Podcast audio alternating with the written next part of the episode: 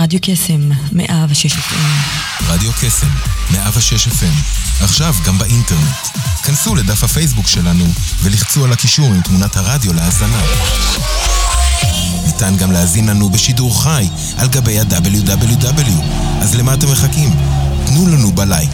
כנסו עכשיו.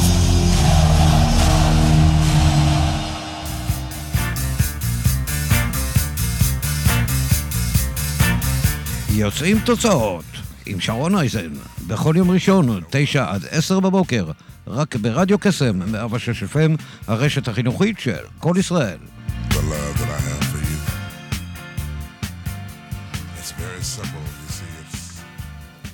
בוקר טוב, אנחנו uh, בשידור חי, פותחים שבוע נוסף, יוצרים תוצאות עם שרון אייזן. הפעם יש לי באולפן מרואיין סופר מיוחד uh, ומוכשר, ויש עוד כל כך הרבה דברים נפלאים לומר על האיש.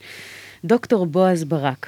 רק שתבינו, אה, מדובר על הישראלי הבכיר ביותר במערכת הבנקאות השוויצרית, ואם אה, נסתכל ככה באמת אה, בעשייה לאורך השנים, שירת בהנהלות של הבנקים המובילים, קרדיט סוויס ו-UBS, בנקאי עם שם בינלאומי. הוא פעיל בהנהלות של מוסדות מובילים כמו מכון ויצמן, ארגון שנקרא 8 S8, נכון? כן. ואנחנו אה, נדבר על זה. חבר פעיל בארגון לשיפור מצב העולם בראשותו של חתן פרס הנובל, דה קלארק, שהיה נשיא דרום אפריקה. אה, אז אנחנו הולכים לדבר באמת גם על המצב הכלכלי, על הסיפור האישי שלך, אה, על איך כל הדבר הזה התחיל, איך הגעת באמת לעשייה המבורכת שלך היום, ואיך מספיקים כל כך הרבה. אז בוקר טוב לדוקטור בועז ברק. בוקר טוב, שרון, כיף uh, להיות פה.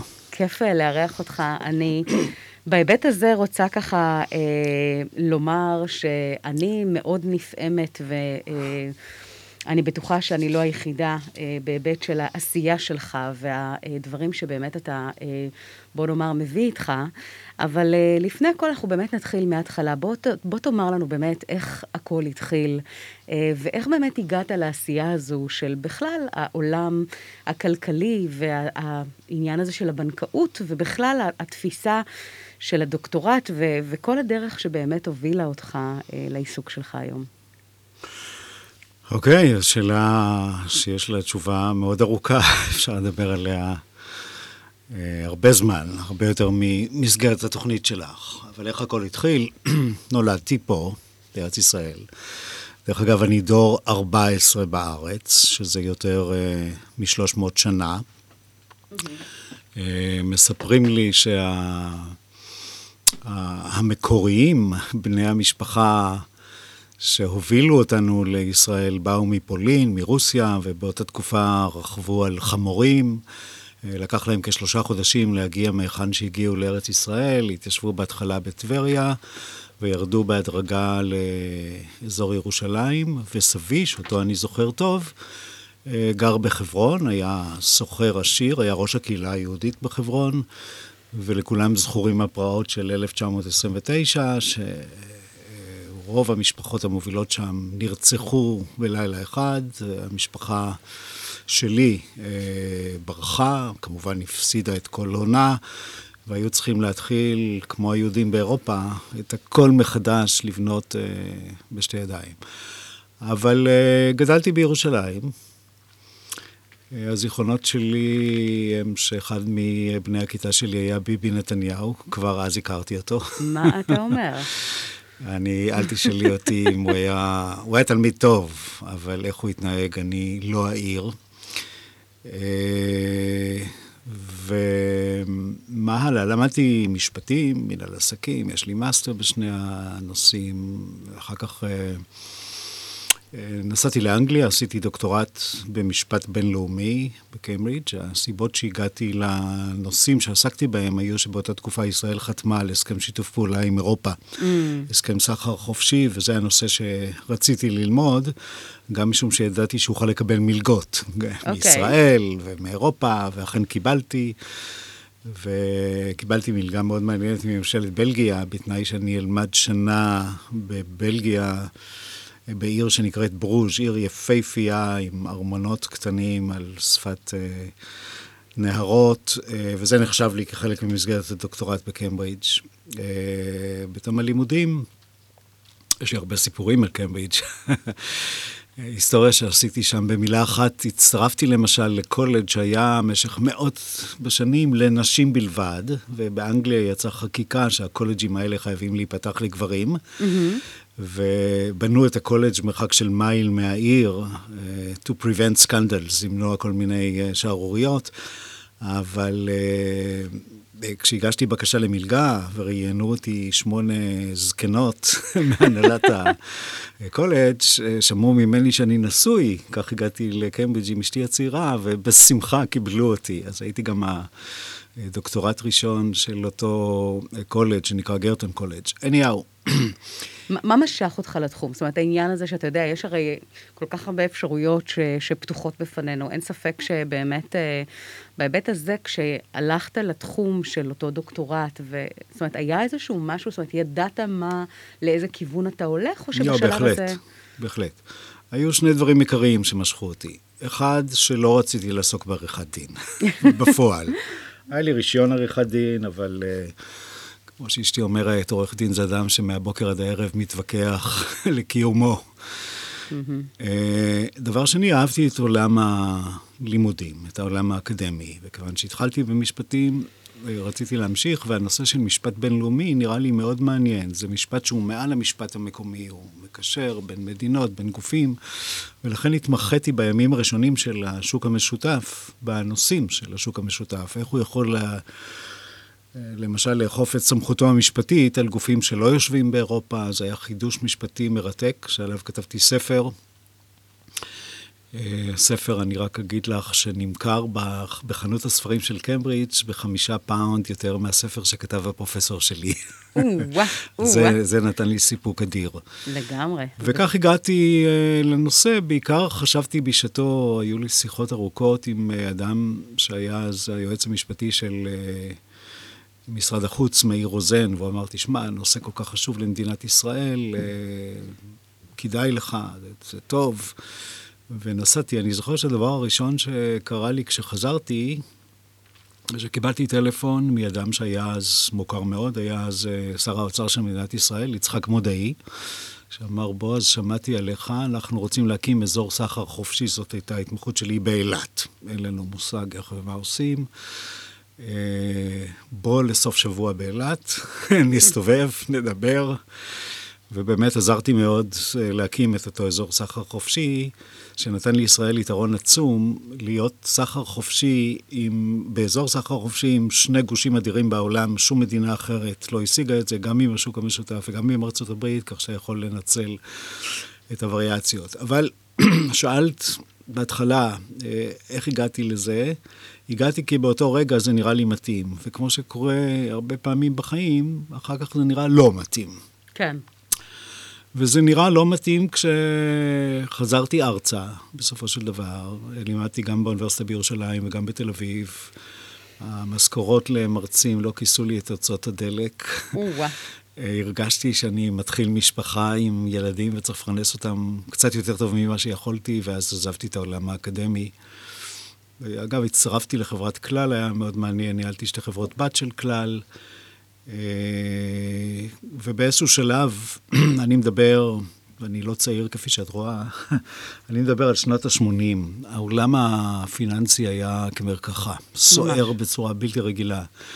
למי שהיום אה, יודע שהריבית הדולרית היא אפס, פשוט אפס, ובמדינות שונות בעולם, כמו אחת המדינות שיש לי אזרחות שלה, שווייץ, יש ריבית שלילית. כלומר, mm-hmm. אם אתה מפקיד כסף בבנק, מחייבים אותך. לוקחים ממך ריבית, לא נותנים לך. מה אתה אומר? אז באותם ימים הריבית אה, הדולרית הגיעה ל-21 אחוז, דבר שלא היה.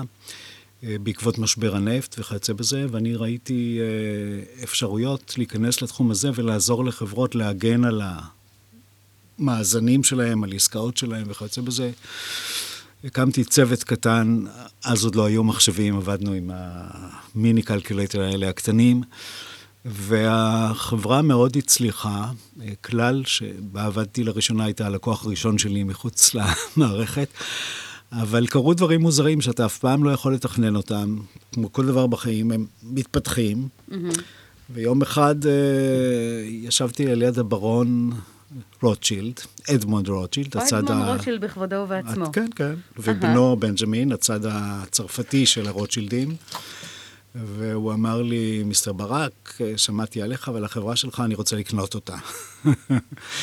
אז uh, מה אתה עושה? אתה אומר, תסלח לי, אדוני הברון, אני לא רוצה למכור, או תסלח לי, אדוני הברון, אני צריך לחשוב על זה. מה זאת אומרת רוצה לקנות? לא, לא היה ברור, זאת אומרת... היו לי רעיונות מיוחדים בתחום הפיננסי, איך אה, בפורמולות שונות להגן באמת באמצעות עסקות מאוד, אני לא אכנס כאן, מורכבות. כן. על החשיפה, קראו לזה, של uh, חברות גדולות כמו חברת החשמל, חברת הפחם בשעתו, uh, הייתה חברה גדולה שנקראה סולל בונה, אני כבר לא יודע אם היא קיימת. הוא זיהה את הפוטנציאל שקיים. הוא אמר, אני רוצה וה... לקנות את החברה, זה חשוב לי למערכת הפיננסית מקסים. שלי. ואז אמרתי, מצוין. אז הוא אמר, מחר תפגוש את נציגי, תשב איתו ותסגרו את ה... זה סיפור מרתק בפני עצמו, כי יש לך חברה שאין לה נכסים. היא ארטילאית, יש לך כמה אנשים עם מוח טוב, מה, מה השווי שלה? אני רק אספר לך, אני זוכר שהלכתי uh, להתייעץ עם uh, רואה החשבון שלי, שגם כבר לא קיים היום, אליעזר טרנר, ואמרתי לו, תשמע, אליעזר, בעיה קשה, יש לי מצד אחד את הברון, מצד שני את החברה הזאת שאין לה אפילו שולחן או כיסא שהוא רכושה אמיתי. מה השווי שלה? אז אמרתי, תראה, אני אתן לך ספר, שאני... קוראים שם הספר, הוא מאה דרכים להעריך שווי של חברה. אבל אני מאמין בדרך המאה אה, שמופיעה שם, שהיא המחיר שבו הקונה והמוכר מצליחים להגיע להבנה. מה שנקרא, מה שלפעמים נראה לנו מאוד מאוד מורכב. וכך זה היה. כן, אז המשא כן. ומתן עם הרוטשילדים נמשך אה, בערך חמש דקות. אני כל הלילה לא ישנתי, חשבתי מה אני יכול לבקש. באתי בבוקר ואמרתי, אני אעיז, והעליתי איזשהו סכום. ואז הם חשבו לרגע ואמרו, תשמע, אם נוריד מהסכום הזה כך וכך, סכום שבאמת לא היה משמעותי בשבילי, זה יהיה בסדר? אמרתי, בסדר גמור, לחצנו יד, חתמנו חוזה. ובזה זה נגמר. והקדמתי. אבל uh, כמו שאתה אומר, דברים קורים בלתי צפוי. הייתי, נשארתי איתם לתקופה של ארבע שנים, זה היה ההסכם. ויכולתי לעזוב, ומסיבות שונות הגעתי לשוויץ. התגלגלתי לשוויצריה עם שלושה ילדים קטנים, שחלקם בחו שעוזבים את החברים שלהם ואת הארץ, עם אישה שלא בטוחה, אני מוכרח לומר שאשתי הייתה בסדר, כי הסיפור היה אה, שניסה שנה. Mm-hmm. לשוויצריה. לבחון האם מתאים. לראות. מה האפשרויות שם. היו כמה הצעות, ואחרי שנה המטרה הייתה להוציא את הילדים מהמנטליות הישראלית, לרענן אותם קצת. זה היה לפני 25 שנה, כמעט. Uh, לספר את הסיפור השוויצרי? אז תכף, לפני, לפני שנספר את הסיפור השוויצרי, אנחנו, uh, מה שנקרא, בין לבין, uh, ניתן ככה איזשהו ניחוח מוזיקלי. יופי. ובחרת את חווה אלברשטיין. שאומנם אה, ככה מדברת על, אתה מדבר על שווייץ, ויש לה ככה כמה וכמה שירים. אה, אנחנו נתחיל באמת מרקמה אנושית אחת, כי כולנו רקמה אנושית אחת. יש סיבה שככה, אני יודעת שאתה מאוד אוהב את חווה אלברשטיין. זה... אכן. יש ככה אה, איזשהו סיפור מאחורי ה... כן, יש סיפור גדול. בחלק מהשירות הצבאי שלי, התחלתי כחייל קרבי, נפצעתי אה, בגולני, ואז העבירו אותי להיות כתב צבאי. אז הייתי כתב צבאי של במחנה, במחנה גדנ"ע, אה, וכיוצא בזה, וישבתי במשרדים שהיום הם שרונה בבתי האלה בקריה, והבוס שלי היה אה, יורם טהר לב. או, וואו. שהוא היה עורך במחנה גדנ"ע בשעתו. ויום אחד יורם אמר לי, תשמע, בועז, בוא תישאר במשרד, באה הנה בחורה צעירה, אה, מרשימה מאוד, שעדיין לא מפורסמת, לא מוכרת, אבל שמעתי את השרה יוצאת מן הכלל. בוא תשב בישיבה, והגיעה חווה אלברשטיין. וואו. סופר uh, צעירה, סופר תמימה, לא מכירה בכלל את העולם שעליו היא חשבה. שאלה, חבר'ה, מה עושים? איך אפשר אה, למנף. להצטרף לעולם הזה? ויורם נתן לה כמה הצעות שהביאו אותה למה שהיא הייתה. אז לכן אני עוקב אחריה, ולכן אני שם לב. זאת אומרת, אתה ממש היית שם אה, ב... ב... כן, כן, בניסיון לעזור לה, אבל זה לא תחום שלי. וואו. אה, מה שנשארתי זה רק עם אהבת השירים שלה. אז קודם כל, אה, מופלא, אתה יודע, תמיד כשיש איזושהי אהבה או חיבה למשהו, לפעמים קשה לנו לשים את האצבע, אבל לפעמים יש איזשהו סיפור מאחורי הקלעים, שאתה יודע, שפתאום חושף מרבדים נפלאים ש... של נוסטלגיות או דברים שככה מחברים אותנו באופן מיוחד. אז בואו נקשיב uh, לאישה ולאגדה, רקמה אנושית אחת. שתהיה לכם האזנה נעימה, לא ללכת לשום מקום, אנחנו כבר חוזרים.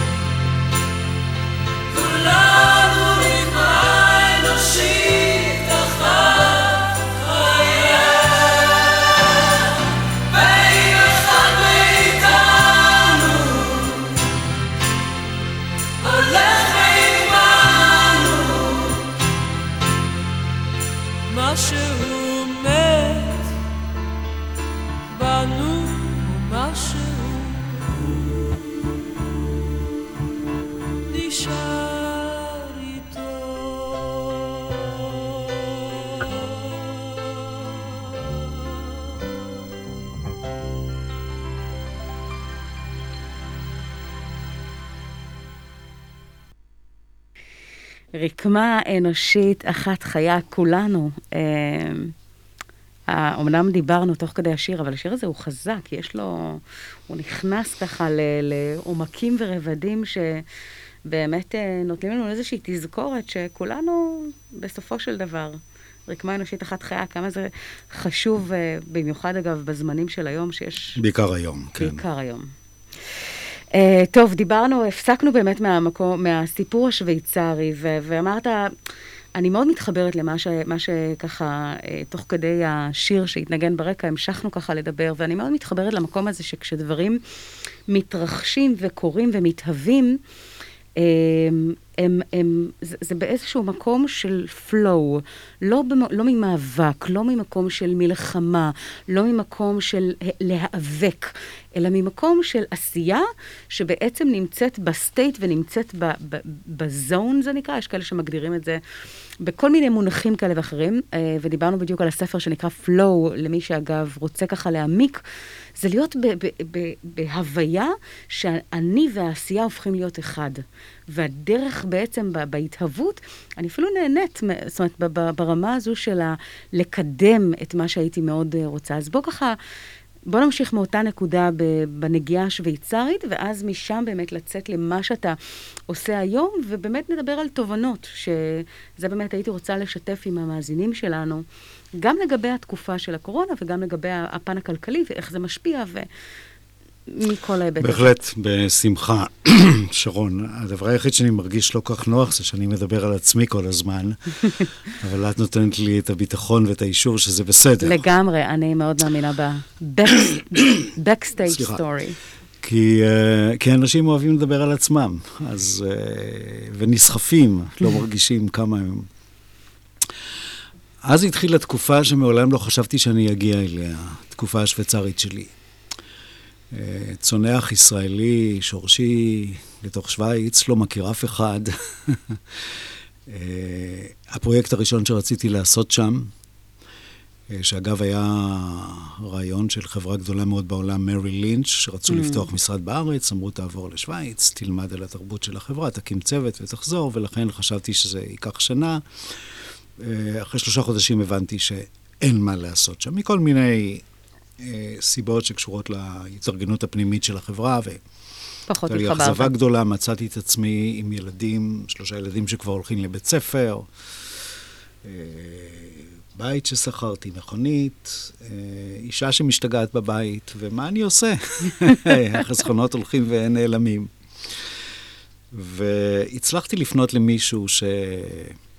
הכרתי באמת בעבר, אני חושב שהוא היחיד, שאיתו הייתה לי שם היכרות uh, של ממש, הגיע דרך ההורים של רעייתי בשעתו, ו... הוא אמר, תשמע, מאוד מעניין מה שאתה עושה, אני אציג אותך לידיד שלי בקרדיט סוויס. ואכן כך, בלי לתכנן יותר מדי, פגשתי איש שהיה חבר הנהלה בקרדיט סוויס, שוויצרי שוויצרי. אה, הוא היה אחראי על הבנקאות הפרטית הבינלאומית, שזה mm. תפקיד מאוד בכיר, הוא היה מספר שתיים. נפגשנו, ואז הוא אמר לי, תשמע, בועז, מאוד מעניין מה שאתה עושה, אבל אתה יודע, אי אפשר לקבל אותך, כי בנקאות שוויצרית צריכה לעשות על ידי שוויצרים ולא על ידי ישראלים. זאת אומרת, המדיניות הייתה מאוד ברורה שלא לקבל זרים, אלא מקומיים. כן, עד אז לא קיבלו אפילו זר אחד לתוך ה-head office. אם מישהו מכיר את ציריך, אז ישנה שם הכיכר המרכזית, פרדה פלאץ, ובניין מרשים מאוד עם פסלים. זה ה-head office, ולשם לא נכנסים זרים. כן. אה, אמרתי לו, בסדר, אבל בוא נמשיך לדבר. באתי לראות אותו שוב, מצאתי חן בעיניו. אני חושב שארבעה, חמישה חודשים ניהלנו שיחות כאלה. ויום אחד הוא צלצל ואמר, תשמע, אה, העליתי את הנושא שלך בפני הבורד של הבנק, החלטנו לקבל אותך, לעשות ניסיון, כי אנחנו לא לעולם יכולים להישאר חשופים רק עם שוויצרים, אבל נשלח אותך למה שקוראים assessment center, זה מרכז ש... הערכה. מעריכים, אם נגלה שאתה יכול להתקדם בסולם הדרגות בבנק, בסדר, ואם לא, אז כמו שאומרים, תודה שטסת לופטנזה. בדיוק. תודה רבה. אתה יכול לעבוד בכל אחד מהסניפים שלנו, אבל לא בסניף הראשי ולא בתפקידים בכירים. והלכתי ליום שהיה סוריאליסטי. אני חושב שמשבע או שבע וחצי בבוקר עד שמונה בערב. או-אה. אה, היו שם פסיכולוגים שונים ששאלו אותי שאלות באיזשהו שלב, חוץ מהפסקה של ארוחת צהריים ל-20 רגע, כל הזמן דיברתי. אה, באיזשהו שלב הביאו לי תיק ענק, ואמרו, יש לך אה, חצי שעה לעבור עליו לקרוא, זה סיפור של חברת תעופה באפריקה, ואחר כך אתה צריך לתת פרזנטציה של עוד 20 רגע, מה הבעיות המרכזיות של החברה, ואיך אתה מציע לפתור אותן. גם בזה עמדתי. למחרת בבוקר צלצל אליי אה, ראש מחלקת כוח אדם, קראו לזה אז, HR של קרדיט סוויס, ואמר, מיסטר ברק, בוא הנה, אני רוצה לתת לך את החוזה שלך. וואו, איזה צמרמורת יש לי. כמובן, זה היה באופן שוויצרי כבר בשבע בבוקר. כן. מה שלא הייתי רגיל בכלל. אה, הגעתי אליו, הוא נתן חוזה, הוא אמרתי, קח הביתה, תחשוב, תחתום. אמרתי, לא, לא, לא, לא, אני חותם עכשיו. והצטרפתי לקרדיט סוויס. אה, ששמו, אגב, היה אחר לגמרי, זה לא היה קרדיט סוויס. כמו שמכירים היום. קראו, קראו לו SKA, שווייצר של קרדיט איינשטלט. ולקח לי זמן להבין איך הם עובדים, שונה לגמרי מכל מה שיכולתי להעלות על הדעת. אני מוכרח ממש- לומר שלשמחתי הם הכינו תוכנית אה, אימון יוצאת מן הכלל. במשך חודש ימים, כל בוקר התייצבתי במחלקה אחרת. מנהל המח- המחלקה נתן לי אה, תיאור קצר של מה שהם עושים. ישבתי במשך היום וראיתי איך אנשים עובדים, כתבתי שאלות, בתום היום ענו לי, וכך עברתי את כל מחלקות הבנק, ולמדתי לפרטי פרטים איך בנק שוויצרי עובד. אגב, מה שהיה ברור לגמרי, להבדיל מבנקים ישראלים, בנק ישראלי מוכן לעשות כל מיני קומבינות ולקבל כל עסקה שנראית לו, שבאה לשולחן. בנק השוויצרי הפוך לגמרי, הוא אומר, לא, אני עושה רק עסקאות כאלה. זאת אומרת, יש קיבעון. מאוד, אה, כן. אולי מבחינה עסקית זה אפילו מוצדק. כן. אין לנו זמן וסבלנות, אמרו לי, להיכנס לעסקאות שהן לא סטנדרטיות במובן של מה שאנחנו עושים. זאת אומרת, ללכת רק על ה-study case, מה שבאמת מוכיח את עצמו, מבלי... אה, וכאן התחילה התפתחות באמת בלתי צפויה. אחרי, אני חושב, כשנה וחצי, שנתיים, התמניתי לראש הדסק שנקרא VIP. אלה הלקוחות הגדולים בעולם של הבנק, ב-Wealth Management, בנקאות פרטית, שמחזיקים באותה תקופה 50 מיליון סוויס פרנק ומעלה בבנק, וניהלתי אה, במשך שלוש שנים את הדסק הזה. אה, קצת הפריעו לי, כי ביקשו ממני במהלך התקופה להקים גם את הדסק הישראלי שלא היה להם. לא היה להם שום דסק מיועד לישראל. בין השאר, הקמתי גם את המשרד בארץ, משוויץ, ו- וניהלתי אותו בשלט רחוק. וההפתעה הגדולה הייתה שלאחר, אני חושב, כארבע שנים, פנו אליי ונעשיתי חבר ההנהלה העולמית של קרדיט סוויס, מה שהם קוראים managing director. ו... זאת אומרת, ממש. הסיפור, סיפור, אה, בוא נאמר... הגעתי ל top של הבנק, שהוא בנק גלובלי גדול, וזה הרגיש לא כל כך נוח, כי הרבה שוויצרים, הרימו גבה. חדר על ידי, כן, שעבדו 20 שנה בבנק, הסתכלו עליי באופן תמוה. אה, עוף שרק- מוזר שהגיע מישראל ופתאום נכנ- התברג באמת ב... כן, בתפקידים מה הבכירים הישראלי הזה ביותר. עושה, אבל באמת, כן. זה לא נעשה לא באגרסיביות ולא בשום כן. כוחניות ולא בפוליטיקה, זה הלך חלק. אחרי 15 שנה בקרדיט סוויס, עשיתי מה שהרבה אנשים עושים בעבודה. חציתי את הכביש לבנק אחר, גדול יותר, שנקרא UBS, כי אדם שהיה מספר 2 בבנק פגש אותי כל שלושה חודשים לארוחת צהריים ושאל איך אפשר להעביר אותך, וכל פעם אמרתי לו, תשמע, אה, נוח לי ונעים לי מה שאני עושה, אני גם נהנה מאוד לאכול איתך, אבל אין סיכוי שתעביר אותי. והתפתחו נסיבות שונות ש... שיצרו, סליחה, שיצרו אה, סביבה מתאימה למעבר הזה, שהלכה מהר מאוד. קיבלתי חוזה שאי אפשר היה לסרב לו, הוא פשוט היה מדהים, מבחינת אה, משכורת, בונוס. ומיד הצטרפתי ל-UBS, זה היה חמישה חודשים לפני המשבר הפיננסי הגדול. כלומר, וואו. הבנק יכול היה לשלם. ב-2008? זה היה ב-2007, יולי אוקיי. 2007. אה, הפגישה הראשונה שלי הייתה עם אדם מאוד מוכר, שנחשב אגדה בעולם הבנקאות, מרסל אוסמל, הוא היה יושב ראש של UBS, הייתה לנו שיחה של שעה וחצי, הוא חזר שבוע לפני כן מביקור בישראל, אמר, תשמע, מדהים מה שיש. נסעתי עם אשתי, מעוניינת בטכנולוגיה, אולי תציג לנו סטארט-אפס. אני אקצר את הסיפור הארוך הזה, אבל אה, ב-UBS כבר הכרתי את התפיסה הבנקאית השוויצרית, אם כי אף בנק לא דומה לאחר, כולם שונים. אה, נעשיתי chairman of Israel, אופרציה עצומה, רק לתת לך אינדיקציה, כ-120 איש עובדים בשוויץ, מטפלים בשוויץ בלקוחות ישראלים. היה משרד בארץ שעזרתי לקדם אותו.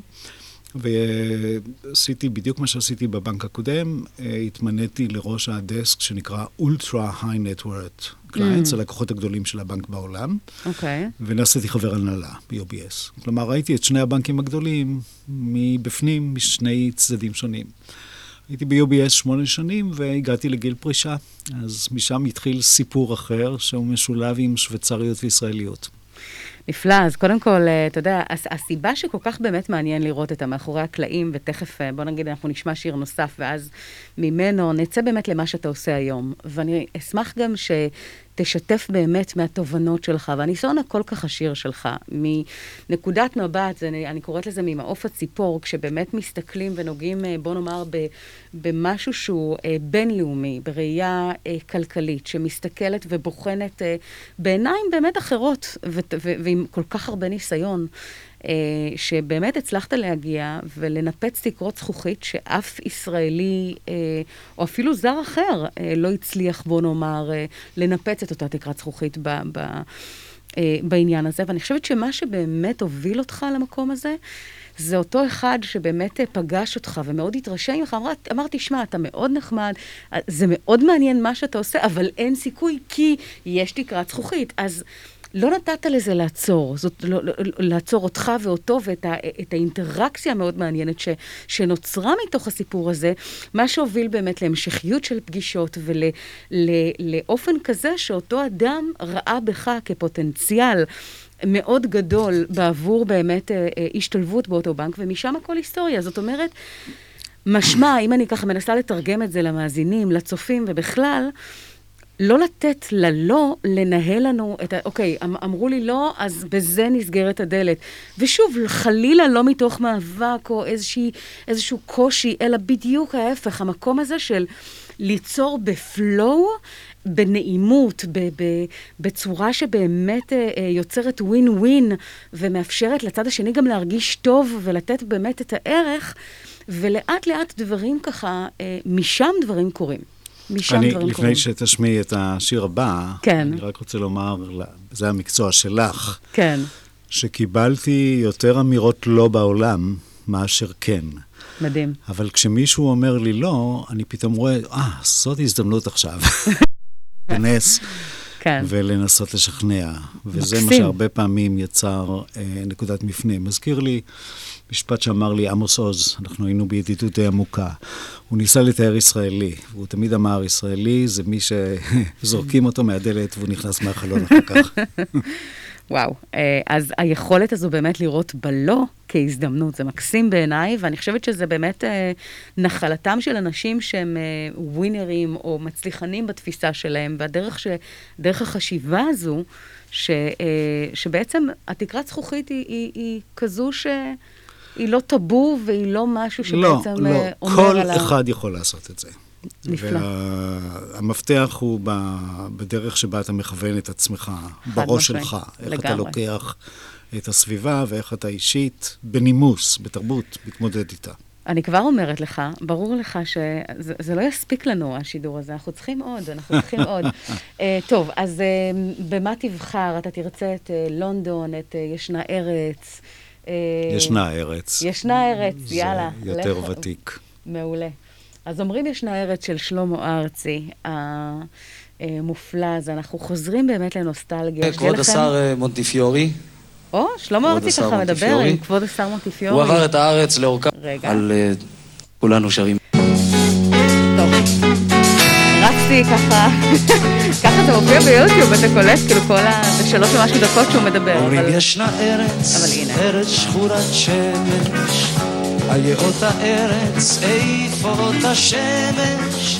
אומרים ישנה ארץ, עמודיה שבעה, שבעה כוכבי לכת צצים על כל גבעה.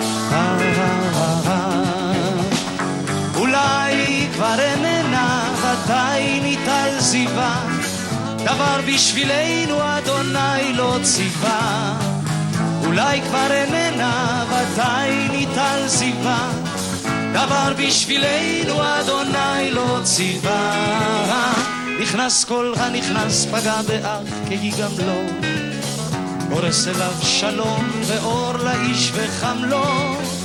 הים אותה ארץ, כוכבי אותה גבעה. מי ינחנו דרך, יגיד לי הנתיבה.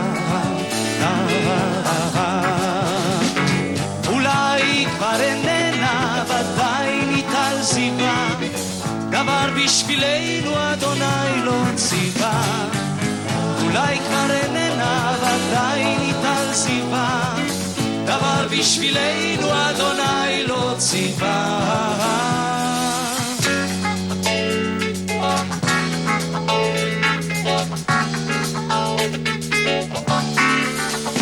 עברנו כמה מדברות וימים, כבר הלכנו כמה כוחותינו תמים, כיצד זה טעינו טרם הונח לנו, אותה ארץ שמש אותה לא מצאנו.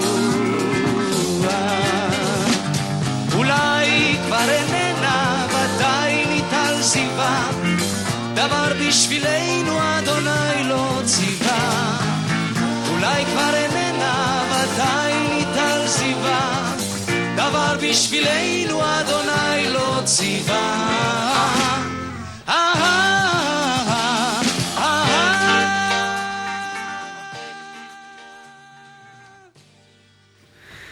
כן, אז אה, שלמה ארצי המופלא, תשמעו, אנחנו כל הזמן ככה בהלם, כמה שהזמן אה, בשידור הזה טס לנו ועובר ממש ממש מהר. אז במעבר אחד, אני, אני אקח באמת לעשייה של, של, של היום, ואני יודעת שדיברנו באמת על איפה זה פוגש אותנו בפיל שבחדר, הקורונה והתקופה של המשבר הכלכלי, העולמי, הבריאותי, ואיפה זה באמת אה, אה, תפס, ואני אשמח ככה באמת לשיתוף שלך, ולאחר מכן...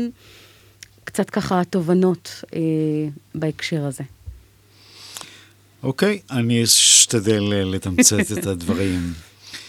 אה, היכן נתחיל? מה אני עושה היום בעצם? אה, אחרי שפרשתי מכל עבודת הבנקאות, עשרים וכמה שנה בבנקאות השוויצרית, נשארתי אזרח שוויצרי ואזרח ישראלי. אבל אני אה, רוב זמני בשוויץ. עכשיו, סגרים וכיוצא בזה, אני בארץ, אשתי מעדיפה לשהות כאן הרבה יותר, mm-hmm. אבל אני בארץ, בבית יפה מאוד, על שפת אגם ציריך, שמשקיף על המים ורואה את הרי השלג ממול, וזה נותן קצת vision. שקט נפשי. כן. ובתוך האפשרות לקיים מחשבות וחלומות כאלה, חשבתי ש... בשלב הבא של חיי שהתחיל לאחר הפרישה, אני צריך לעשות שני דברים. א', הרבה פעילויות שהן לטובת הכלל. Mm-hmm. כי אני מוכרח לומר, אני בר מזל, העולם זימן לי הזדמנויות שונות, ואני מאמין בהחלט בעניין הזה שאתה צריך לשלם בשביל זה. לשלם במובן הנעים, to, to pay back. Pay, give back, מה שנקרא. לתת בחזרה. ודבר שני, אה, לראות מה מתאים היום, כי...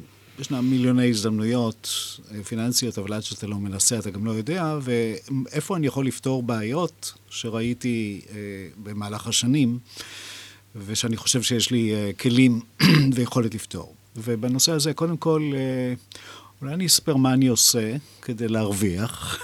לגמרי. אבל זה לא להרוויח, אלא להתקיים. אה, הבעיה הגדולה ביותר שראיתי בעולם הפיננסי, היא ש, שבנקים וחברות אה, שונות, חברות ניהול קרנות, מוציאות מוצרים פיננסיים מדהימים, אה, חדשניים, אבל לא מצליחות למכור אותם, משום שאין להם יכולת להגיע למשקיע המתאים. Mm-hmm.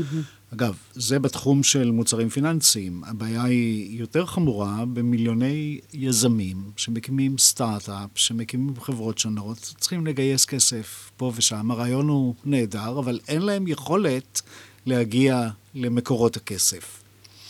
עכשיו, אני הייתי uh, באמת בר מזל שאני בא קצת מהצד השני. הכרתי את האנשים עם הסכומים הניכרים שמחפשים להשקיע, שמחפשים הזדמנויות, ואמרתי, מוכרחים לשלב, למצוא דרך נכונה לשלב בין השניים. אין היום מכשיר אוטומטי שעושה את זה.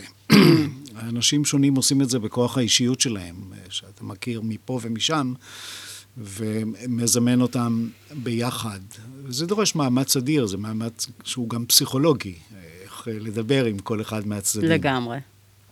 בעיקר היום, הבעיה הזאת סופר אקוטית בתקופה שבה אין מגע פיזי, שאנשים מנסים למכור עסקים גדולים אה, בזום, כשאני חושב שכשאתה מדבר עם מישהו לא באופן פיזי, אתה לא בדיוק עולה על האיכויות שלו, על התכונות שלו, טובות ורעות. יש פספוס מאוד גדול בזום, כי אתה יודע, כל האינטראקציה הבין-אישית, הקריאת שפת גוף, היצירה, היצירת קשר עין, כל הדבר הזה בעצם אה, יש נמנע. יש פספוס עצום, אבל אם תחשבי קצת אחרת, אתה גם רואה את ההזדמנות העצומה. יפה, וזה בדיוק... ההזדמנות היא להיכנס לתמונה ולהיות האמין,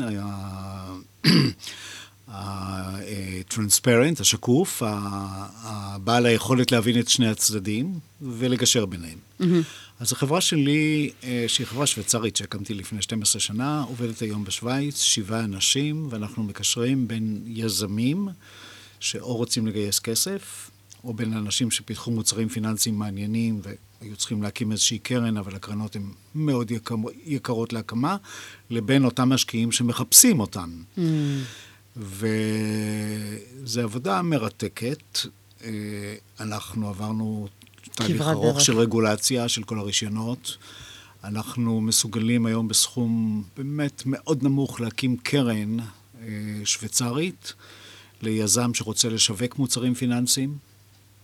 אם יש לו רעיון לאנשים שרוצים לגייס כסף, וכיוון שאני בא מרקע משפטי, גם למדתי מהר מאוד את הנושאים האלה. אז זה מה שאנחנו עושים במסגרת העבודה. אני רק רוצה לומר שזה אולי הדבר הקשה ביותר בבנקאות, בנושאים פיננסיים, לגייס כספים לאנשים שונים. זה מאוד מורכב, לא כל אחד נפרד בקלות מכספו. עכשיו, הגעתי לנקודה הזאת מתוך הבנה יותר רחבה, תובנה מה שאת קוראת, שמערכת הבנקאות בעולם התחילה לעבור אה, שינוי אדיר לגמרי. כבר במשבר הפיננסי, שינוי שהוא משברי, והוא כמובן לא הסתיים. הוא לדעתי בעיצומו. מה שקרה עכשיו זה שהקורונה האיצה את השינוי הזה, כי אני יודע היום שכמעט 40 אחוז מהעובדים בבנקים השוויצריים לא באים יותר לעבודה. הם לא רוצים לשבת באולם פתוח, הם מעדיפים לעבוד מהבית, מה שאפשר. אה, הבנקים נותרו פתאום עם אה, real estate, עם... אה, נדל"ן. מאות משרדים שהם לא צריכים. מיותמים. עם סוג אחר של עבודה שבעצם הלקוחות לא מבקרים אותם יותר, איך הם יכולים להגיע ללקוחות. למשל, דוגמה אחת, אה, יצר בלי סוף בעיות של, אה, של טכנולוגיה, איך אפשר לאפשר לעובד מהבית לעבוד אה, עם המחשב שלו, אבל עדיין לשמור על סודיות בנקאית מוחלטת ולהיכנס למערכות הבנק בלי שיחשדו ל- לאיזשהו... מעילה. כן, לשאיפה של מידע שהוא סודי. ו... אה, אז אני בעצם רואה את הבנקים ממשיכים בתהליך של ירידה דרמטית. אני רואה אלטרנטיבות שקיימות. אחת האלטרנט- האלטרנטיבות הברורות לגמרי זה שקמים יזמים ומוצרים פיננסיים שמתחרים בבנקים ומתחרים טוב. אם רק ניקח את הבורסה הישראלית, אז הבורסה הקימה פלטפורמה חדשה שקוראים לה TASE, אה, תל אביב Stock Exchange, TASE UP. מאפשרת לחברות צעירות לגייס כספים בלי להוציא תשקיף, בלי לעבור הרבה מאוד בדיקות, כמובן שיש בדיקות מינימליות, אבל לעבור את כל השלבים של הבירוקרטיה והרגולציה שהם קשים. אני עושה אותו דבר- בשוויץ. אני, אה, בתיאום עם הרגולטור. השוויצרי, מוציא גופים שונים. שמפוקחים בדרך מאוד אה, מינימלית, מהסיבה הפשוטה שאנחנו פונים רק לאנשים או לגופים מקצועיים אחרים, לא למה שנקרא ריטייל. אוקיי. זאת הדרך שבה הבנקאות תלך ותתפתח. כל מיני המצאות שיורידו את הבנקים מרמתם, מהנכסים שלהם. אתה לא יכול לחיות בלי הבנקים, אבל... אי אפשר איתם, אי. אפשר בלעדיה סתם. הדבר. השני שאני עושה, ואשמח בכמה דקות לספר לך, כן. זה כל הנושא האחר, איך אפשר לשפר את העולם. אני- בשמחה. העבודה הפילנטרופית. אז קודם כל, אני אה, אה, חבר בבורד הבינלאומי של מכון ויצמן, שזה כיף בלתי רגיל, ויש לנו כמה ימים בשנה שמתכנסים ומדברים עם מדענים ושומעים, ואתה רואה התעניינות עולמית ביכולות של המכון, שקיבל גם כמה פרסי נובל. ומה שמעניין אנשים במכון זה שהוא א-פוליטי, אין לו שום קשר לתמיכה בתנועה כזו או או אחר, אחרת, כן. והוא נועד למען humanity, וכמו שהנשיא הקודם והנוכחי של המכון אומרים, אנחנו עושים אה, מחקר פיור לגמרי, שהוא out of curiosity, הוא בא רק מתוך סקרנות, אנחנו לא אומרים. למדענים מה לחקור. כי ברגע שאתה אומר למישהו, תלך ותחקור דבר כזה או אחר, אתה כבר מגביל אותו. לגמרי. הדבר השני ש... שאני עושה, סיפרתי לך במהירות על ה-S8. S8 הוא רעיון שהתחיל לפני שלוש שנים של פרופסור ג'יימס אה, ברדינג, אה, שהוא פרופסור בהרווארד, והיום פרופסור גם בשוויץ, הוא חצי אמריקאי, חצי שוויצרי, שבא ואמר, "ת- תשמעו, יש כל מיני גופים שמייצגים את המדינות הגדולות, ה-G20, G30, שאגב, יש לנו G30, זה ארגון של כל הנגידים המובילים, שיש ישראלי שמוביל אותו, פרופסור פרנקל, אבל אה, אין שום ארגון שמתאים למדינות הקטנות, כמו ישראל, כמו שווייץ, כמו סינגפור, פינלנד, אוסטריה, שוודיה, שהן באמת קטנות מאוד בהשוואה לגדולים, אבל התרומה שלהם לעולם היא, היא מעל גדולה. ומעבר, פרופורציונלית, מעל ומעבר ל, ל, לסדר הגודל שלהם. אולי אפשר ללמוד מהם משהו. הוא כתב שני ספרים שנקראים Too Small to Fail, כלומר, יותר מדי קטנים, יותר מדי קטנים כדי שנרשה. להם להיעלם. והצטרפו אנשים מכל המדינות האלה, משמונה מדינות, אנשים בעלי שיעור קומה, שהיו אה, או ראשי ממשלה, או מנהלי בנקים אה, בכירים, והקמנו אה, משלחת ישראלית, שמונה כל מיני אנשים סופר מעניינים, גליה מאור, שלמה ינאי, משפחת ורטהיים הצטרפה אלינו וכיוצא בזה. ורק אה, השבוע, שוב, תיאמתי בין מכון ויצמן לבין ה-S8, קיימנו וובינר עם השמות המוכרים בישראל, אבל ששודר למאות אנשים בעולם, איך ישראל הצליחה להגיע למדרגה הראשונה בעולם. לסטארט-אפ. בהיקף החיסון. כן. לא, לא, אה, אוקיי. החיסונים. דבר שלא, אתה, אתה לא מצליח להגיע אליו בממדים האלה, גם בגרמניה וגם בארצות הברית וכיוצא בזה. יש לנו הרבה דברים שאפשר אה, לשפר. אבל נכון. פה הצלחנו. הצלחנו וכל הכבוד לדרך הטיפול, אבל המטרה הייתה, זה הלקח שלנו, בואו נעביר את זה לעולם. אז עשינו את זה השבוע בשעה וחצי. דבר אחר, ציינת uh, בפתיחה, אני עוזר למי שהיה ראש ממשלת דרום אפריקה בימים הקשים של האפרטהייד, וניפץ את האפרטהייד לחלוטין, אה, F.W. דה קלרק. שקיבל גם פרס נובל. הקים ארגון שנקרא Global Leadership Foundation. הוא ex prime ministers, כלומר יושבי אה, ראשי ממשלות ונשיאים שהיו, לא שמכהנים היום. אה, שישבו ביחד, יחשבו מה הצרות של העולם ואיך ניתן לשפר. How to make the world better. בדיוק. אה, כמובן, כולם פועלים בהתנדבות, אבל יש לגוף הזה תקציב.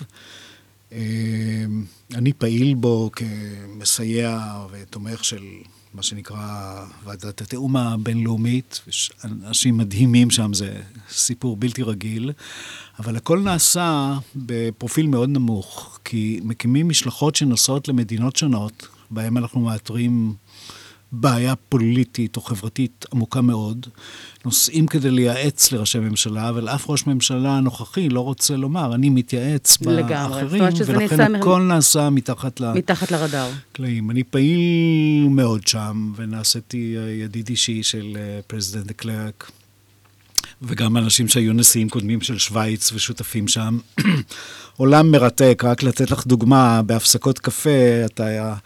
יושב על יד מישהו ושואל אותו, דרך אגב, אה, מה הרקע שלך? אז הוא אומר, אני הייתי עשר שנים ראש ממשלת קנדה, ועכשיו אני עושה כך וכך. by the way, כן, סיפור, משהו שהוא סיפור ככה... מרתק. כן. ומינוי אחרון שלי, שהוא לפני מספר שבועות, משרד הסחר האמריקאי, קוראים לזה US uh, uh, Commerce Department, mm-hmm. מינה אותי למה שהם קוראים chairman של uh, Trade Mission, ואנחנו אה, יוצרים מפגש, הפעם זה בין דובאי, משקיעים גדולים מדובאי, ויזמים ישראלים. אה, זה, זה יהיה הכל אונליין. המפגש הבא הוא ביום חמישי הקרוב, יימשך כמה שעות, אנחנו ואון- מפגישים... אונליין, אני כן, מניחה. כן, הכל כן. אונליין ודי דיסקרטי, אבל מפגישים משקיעים מדובאי. שמעוניינים עם יזמים ישראלים, אנחנו נעשה ארבעה. חמישה אירועים כאלה בעולם. הבא יהיה בשוויץ, אה, וזה זה פשוט כיף. אז אה, אני רוצה ככה ל- לסיום, יש זה מה פה... שאני עושה בעצם. יש פה, יש פה המון, אה, בוא נאמר, נקודות כל כך משמעותיות. ואני רוצה ככה לסיום, כי אמרנו, הזמן טס מאוד, במיוחד בשידור הזה, לשאול אותך איזשהו טיפ או עצה שאתה יכול באמת לחלוק עם אנשים שהם בעלי עסקים, אה, יזמים, ש, שאולי ברמה של איתור הזדמנויות, כי כמו שאתה אומר, בכל אתגר יש הזדמנות. מה הטיפ או העצה שלך, אה, במיוחד בתקופה הזו של אי-ודאות ומשבר מתמשך, אה, אולי להרים דגל או לעשות? אני חושב שהעצה היא אחת, אבל היא מורכבת מחלקים שונים. הדבר הכי חשוב הוא קודם כל, אה, תראה מי האנשים שאיתם אתה עושה עסק. לא בדיוק מה העסק, אבל אנשים שיהיו אמינים, ישרים, הגונים, זה הדבר הראשון. אנחנו חשוב. אומרים people first, capital come second. הדבר האחר שהוא מאוד חשוב הוא בעצם שכל ימי חייך הם שרשרת אחת, מההתחלה עד הסוף. זו שרשרת שבה אתה פוגש אנשים שונים. תזכור אותם, כי אתה תחזור אליהם במהלך החיים, ותבנה נטוורק. נטוורק, אתה בונה נטוורק בזה שאתה מתעניין באנשים. כשאתה פוגש אנשים, אתה שואל מה הם עושים, ואתה מגלה שכל אחד הוא עולם במלואו. אני הקמתי, החברה שלי הקימה מועדון סגור, כי אנחנו לא רוצים שכל אחד יצטרף אליו, אז רק על ידי הזמנה אנחנו קוראים לו The Circle. סירקל הוא שורה של אנשים שאני במהלך חיי איכשהו הגעתי אליהם, הם מופיעים באדרס בוק שלי, וביקשתי מהם שיצטרפו, זה בחינם כמובן. ומצד אחד זה משקיעים, מצד שני זה יזמים, אבל כולם בעיניי הגונים, ויש לנו היום אפילו כמה אלפים כאלה כבר. וואו. אה, ואנחנו יוצרים מערכת חיבורים. פנימית של נטוורקינג, שאחד יכיר את השני, ואם יש לו רעיון, אנחנו נמצא לו את. השותפים. זה נעשה כמובן אונליין, אה, עם, עם password כדי להיכנס. אה, דרך יוצאת מן הכלל לעבור את השלב הראשון של האם האיש שאני מדבר איתו הוא אמין, כי התשובה היא כן, כבר הוא עבר סינון, זה בסדר. ה-credibility, זאת אומרת, האמינות היא, היא בראש ובראשונה, אין ספק. נאמבר 1. ובהיבט הזה באמת צריך אה, לעשות איזשהו בדק בית, כי אתה, אתה בא ואתה אומר, מתוך כל הדברים המופלאים שדיברת, ה-S8 וה... וה אה, דברים שבאמת ככה אתה פועל אה, במסגרתם בתקופה האחרונה, נולדו גם מהתקופה של הקורונה, שכולם ודאי. בעצם באונליין, ואז איך אנחנו מתווכים עסקאות גדולות בין חברות, בין משקיעים ליזמים, ועושים את הכל דרך מסך הזום. זאת אומרת, בהיבט הזה של העולם הווירטואלי ש- שצובר תאוצה, ולא עוצר אותנו, למרות המצב. במשפט סוגר, בתחום שלך, שרון, זה לקום בבוקר ולראות איפה ההזדמנות, ולא איפה הבעיה. הופה, איך כן, ולא באמת אה, לגמרי. להיות מוכוון, אה, מוכוון אה, אה, פתרון. אני רוצה להודות לך. אה, לא, לא על. הזמן ועל זה שהתארחת אצלנו באולפן. אני, היה לי כיף, נהניתי מכל רגע, ואני בטוחה שגם המאזינים והצופים. אה, ו-to be, to be continued, כי יש פה באמת אה, אוצר בלום של כל כך הרבה תובנות אה, מבורכות. אז uh, תודה רבה לדותן uh, ביבי שהיה איתנו על הפן הטכני. תודה רבה לכם שהייתם איתנו כמדי שבוע, יוצרים תוצאות, כמדי יום ראשון עם שרון אייזן. Uh, היה איתנו כאן הבוקר הזה דוקטור uh, בועז ברק, עם uh, באמת איש בעשייה שהיא כל כך מעוררת השראה, הש, השראה רב פעלים, ותודה ענקית. על ה... על תודה לך, תודה לך. על אני התובנות בא הנה הנפלאות. קודם כל בשבילך ובעדך. נפלא. אז תודה רבה, ואנחנו uh, עוד רגע, ממש עוד uh, uh, דקה, יוצאים uh, לחדשות. אנחנו uh, נתראה בשבוע הבא, שיהיה לכם המשך יום נפלא, יש לנו ככה את גידי שילווה אותנו ממש לפני שמגיע התשדיר חדשות.